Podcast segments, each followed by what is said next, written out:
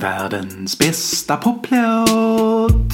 Eller ja, någon form av jingel. Kanske något eko på det. Världens bästa poplåt. Och en stämma som det hade varit i USA om det varit en reklamjingel.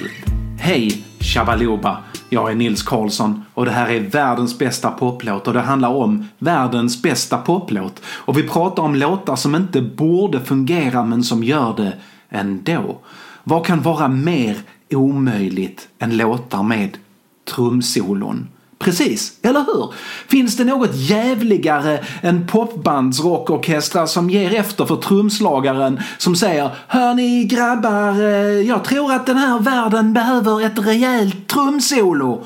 Trumsolon är sällan uppskattade av någon annan än trumslagaren själv och de närmast sörjande. Trumsolon är sällan, för att inte säga aldrig, för korta. Sällan framförda av trumslagare som vet hur man spelar trummor eftersom det första varje trumslagare lär sig på trumskolan är att inte, inte under några som helst omständigheter spela trumsolon. Det ryktas om att det fanns en cirkel i helvetet som inte ens Dante vågade beskriva. En plats där syndarna, de mest förhärdade, där plågas trumsolister bilister och människor som stannar precis när de klivit av rulltrappan för att se sig om och orientera sig som om det är lönt. För den enda platsen de kommer komma till är till slut helvetet och inget annat. Hör du det? Dumma jävla människa med fjällräven och förvirrad uppsyn på T-centralen. Där i mörkaste helvetes lyssnar man på trumsolon dygnet runt och det finns ingen nåd och ingen slut. Vilket passar, för det är exakt så som trumsolon tydligen ska upplevas. Trumsolo. Det finns ett avlatsbrev. Bli Patreon till podden på Patreon så kanske du slipper straffet. Kanske. Om man räknar trummor eller slagverk som musikinstrument så är trummor troligen det första instrumentet vi människor använder oss av. Det är inte säkert att vi ska räkna det som ett instrument eftersom man länge menade att ett instrument ska ge ifrån sig toner främst och inte smällar och klick. Men om vi bortser från det är trummorna troligen först. Det är bara att plocka upp någon ihålig bit trä och banka på den så har vi en trumma. Där på savannen i Afrika för 2,1 miljoner år sedan bankade vi på träbitar och vi sjöng och troligen var trumsolorna få. Om Grock inte hade vett att sluta trumma när alla andra slutat så blev det Grock som utgjorde den avledande manövern för lejonen dagen efter. Det andra instrumentet var troligen flöjten. Något man blåste i i alla fall. Trummor var länge något fult och primitivt. Något för den som dansade och dans var snuskigt och ledde nästan uteslutande till oanständiga katastrofer. Först med jazzmusiken gjorde trumsolot ordentlig comeback. Inom jazzen skulle alla få ett solo för det var demokratiskt och trevligt. Och jazzen blev till slager och slager blev till Elvis och Elvis blev till pop och pop blev till rock och rockmusiken blev stjärnan och stjärnan ville visa att stjärnan kan slå riktigt hårt och rytmiskt och snabbt.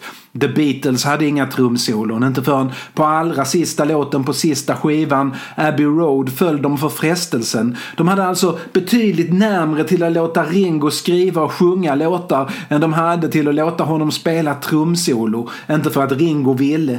De få små takterna på The End är mest en eftergift för att vara moderna eftersom alla andra band körde trumsolon.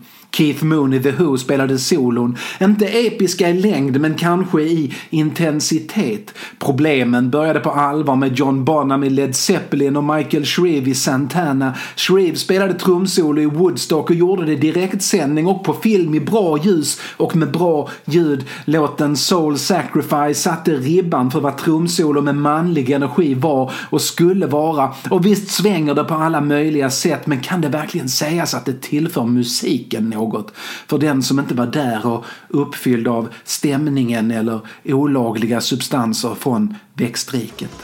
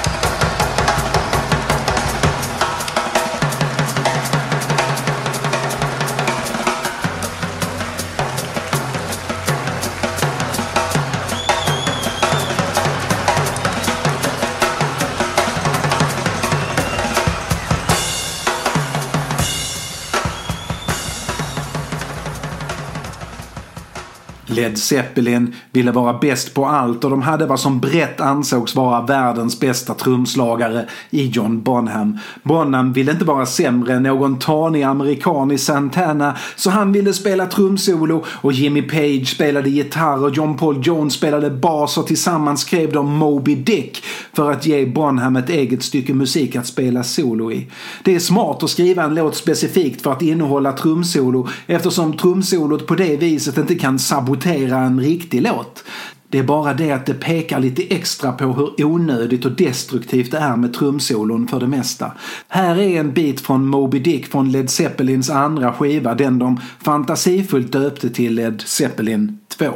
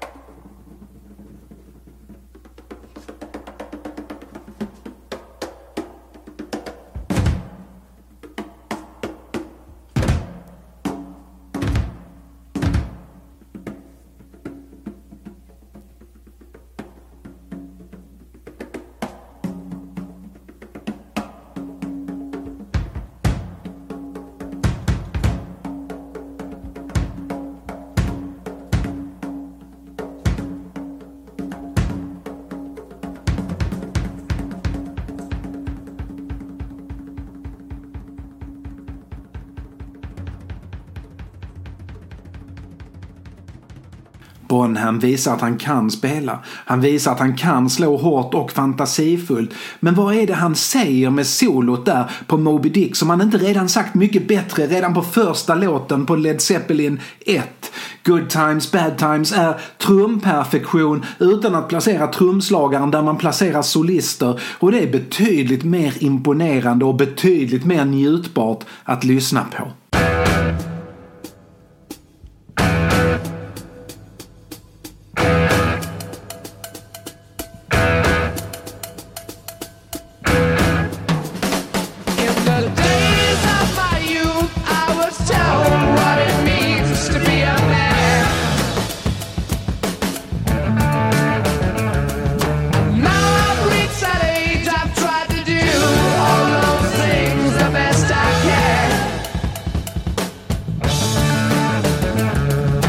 Mara.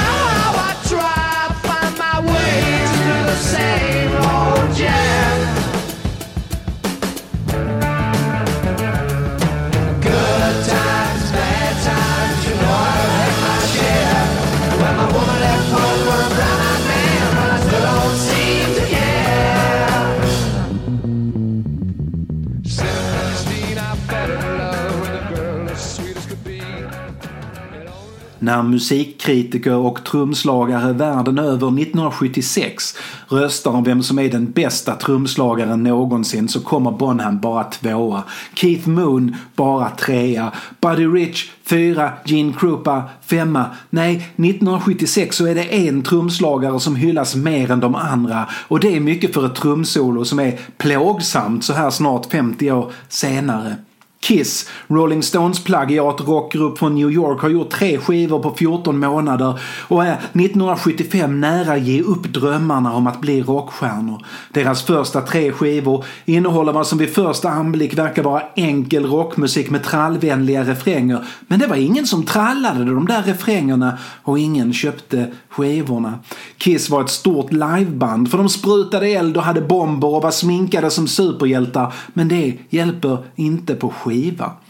Kiss var inte så enkla som de först verkar vara. Deras basist Gene Simmons spelar melodiska och fantasifulla basgångar rotade i både jazz och blues och framtiden. Högt upp på basen spelar han melodier samtidigt som han grundar med djupa låga toner. Till detta spelar Ace Frehley helt genial elgitarr. Han synkoperar och gör trioler och böjer strängarna en helton medan han spelar den ton han böjer till på en annan sträng samtidigt. Ace hamnar fel men fortsätter fel så det blir till slut rätt att vara fel. Bredvid sig har han Paul Stanley som spelar kompgitarr och mycket kan man säga om Paul Stanley och en av dessa saker man kan säga är att han spelade gitarr i Kiss och att det var han som spelade samtidigt som de tre genierna också gjorde det. En annan sak Stanley alltid lyckats bra med att vara kvar i Kiss och på trummor hade de Peter Criss. Chris hade spelat storbandsjazz innan han gick med i Kiss 1973. Han älskade blues och soul men insåg att ett jobb är ett jobb och i Kiss blev han snabbt fundamental för deras ljudbild. Chris svänger där andra inte hade gjort det och allra tydligast på de tre första skivorna, framförallt den andra, Hotter the Hell, där svänger han som själve helvetet själv. På Hotter Hell spelar Chris självsäkert och med närmast utomjordisk energi. Bandet har turnerat och spelat 8-9 konserter i veckan i fyra månader och hoppar sen rätt in i studion. Låtarna glöder av ungdomlig hunger och trummorna tar oss till en plats där Chris är guden och på höger och vänster sida står Ace och Gene och visar vägen och den där andra snubben Paul är nog också där någonstans men ingen bryr sig. Skivan floppar. Skivan efter Dress to kill floppar också. Kiss och skivbolaget satsar allt på ett sista kort. En liveskiva. Tanken är enkel. Eftersom folk inte köper Kiss på LP men går och ser deras konserter så borde de köpa en LP med en av deras konserter i ljudform. Dessutom hade Peter Frampton visat med Frampton Comes Alive att det går att sälja liveskivor. Kiss når Framptons titel nästan rakt av och kallar sin skiva Kiss Alive och den blir en succé. När röken lagt sig så är Kiss det största bandet i USA och borta är de där tidiga svängiga låtarna. Efter Alive skriver de för arenorna direkt. Chris trumspel kan inte längre vara intimt och jazzigt och han kommer inte längre till sin rätt. Men det är en annan historia. För det här handlar om trumsolon. Alive är för många inkörsporten till Kiss, så var det för mig också. Alla låtarna är klassiker, men de är inte klassiker så mycket för något annat än att de var med på Alive. Det finns objektivt bättre låtar än de som är med på Alive på de där tre första skivorna. All the way är kanske Kiss finaste stund, men den är inte med på Alive. Till exempel med på Alive är 100 000 years. Den är från Kiss första skiva och det är en helt okej okay låt. På Alive innehåller den ett trumsolo. På Alive är den nästan 13 minuter lång. Numera hade man bara tryckt förbi låten när trumsolot startar men på LP-tiden hade man behövt resa sig upp och flytta nålen eller vända på skivan. Så vi fick helt enkelt härda ut. Härda ut och inbilla oss att det är bra med trumsolon. Trumsolot är okej okay och det Chris spelar kommer också vara det han spelar på Kiss klassiker Detroit Rock City senare samma år. Det blir till Peter Chris varumärke det där sättet att spela trummor. Låten innehåller lysande basspel i början och några helt enastående gitarrsolon från Ace. Några minuter från slutet dyker Paul upp och börjar prata med publiken. Och är det något Paul inte är bra på så är det att prata med publiken. Men här är han ändå och det blir något sorts solo det med.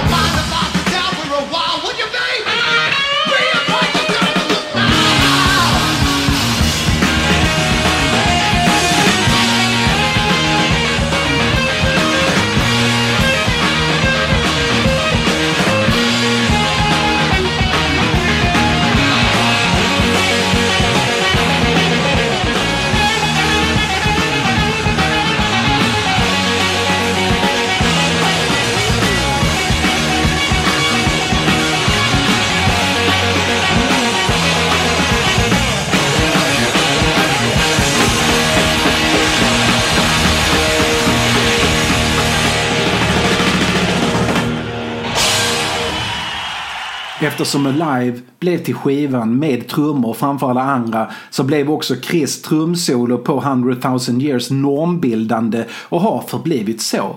Det där är vad vi förväntar oss av trumsolo numera och det verkar helt omöjligt att något gott ska komma ur det. Ännu mindre något som kan kallas världens bästa poplåt. Fast det är inte sant. För vi har missat världens bästa trumslagare på riktigt. Visst, Chris vann omröstningen 1976 men 1976 var han inte i närheten av att vara bäst. Inte så mycket för att de andra på listan faktiskt, om vi ska vara ärliga, var mycket bättre än Kiss utan för att världens bästa trumslagare inte ens fanns med bland de översta hundra namnen på den där listan.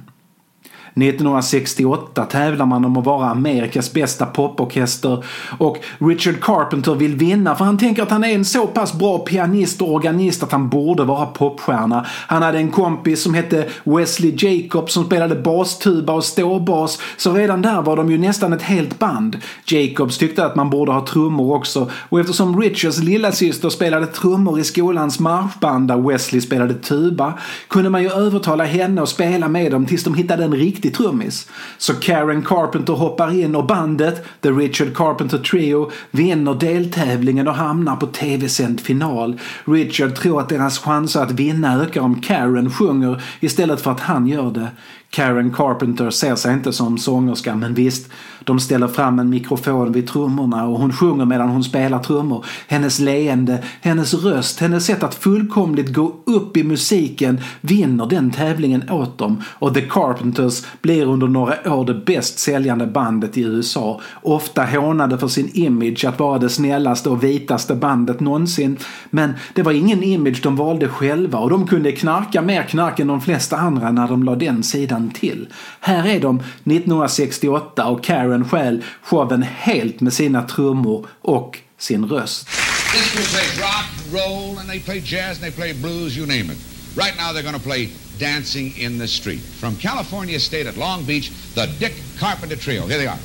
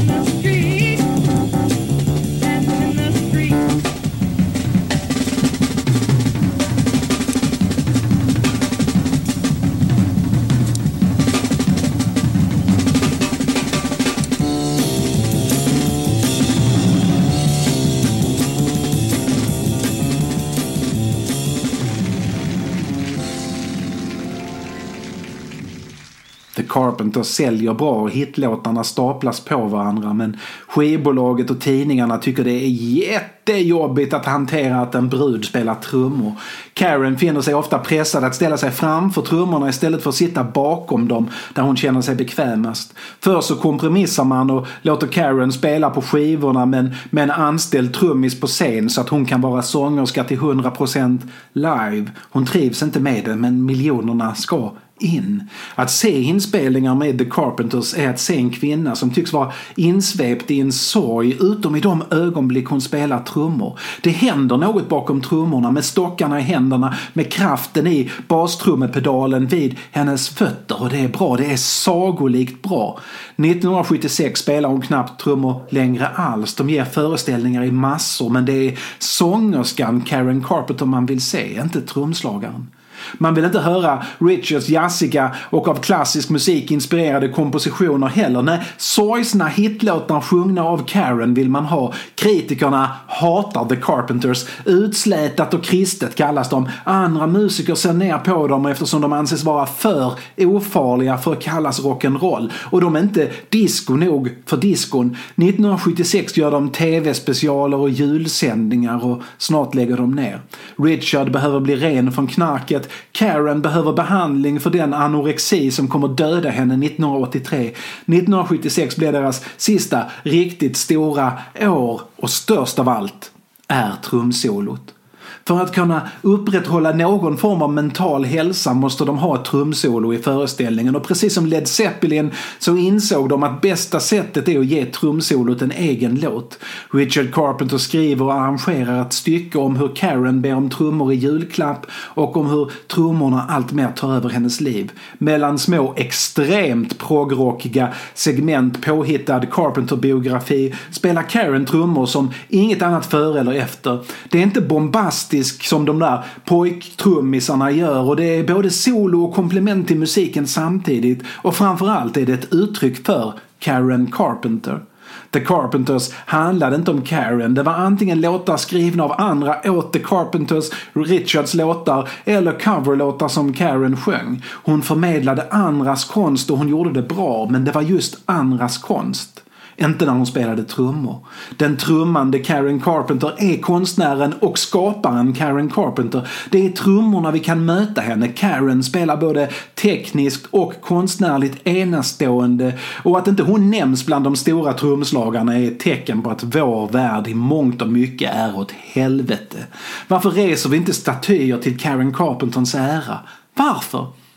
I trumsolot från 1976 använder Carpenter hela trumsetet, pukor och trumstockar och kantslag och koklockor men utan att ta till smaskiga effekter som Peter Criss och Bonham använder för att förstärka trumljudet på inspelningarna. Det är rena trummor, bara trummor, underbara trummor. Aldrig att Carpenter tappar groovet, nej det svänger hela tiden på exakt rätt sätt.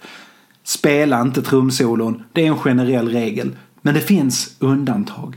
För om du spelar trumsolon som Karen Carpenter spelade trumsolo 1976 så spela för in i helvete trumsolo. Spela hela tiden. Hade Grock på savannen spelat så här så hade han inte blivit en lejonbete i gryningen. Det här är trummor värda att göra till nationalsång i Vatikanen. För det här är mer direktkontakt med Gud än vad någonsin påven mäktat med.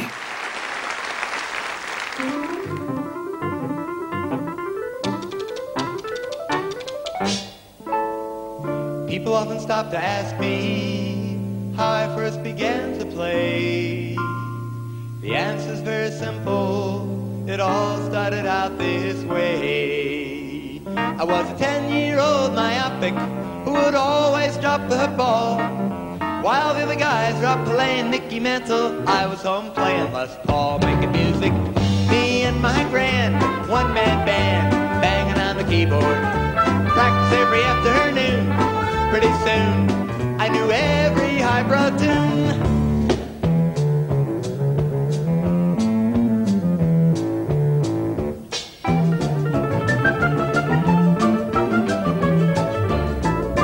Learning all the latest records from the radio by ear.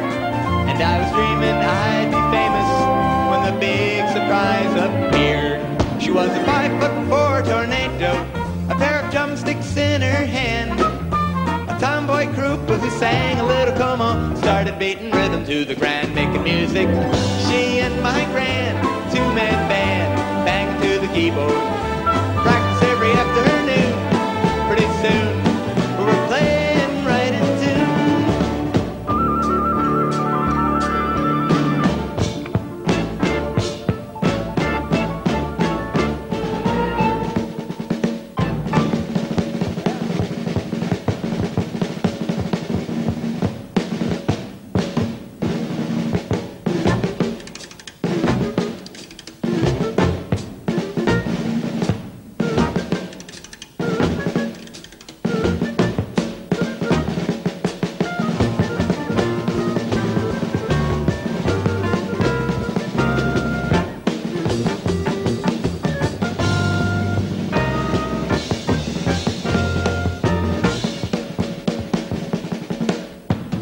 she asked our folks for her own set of drums.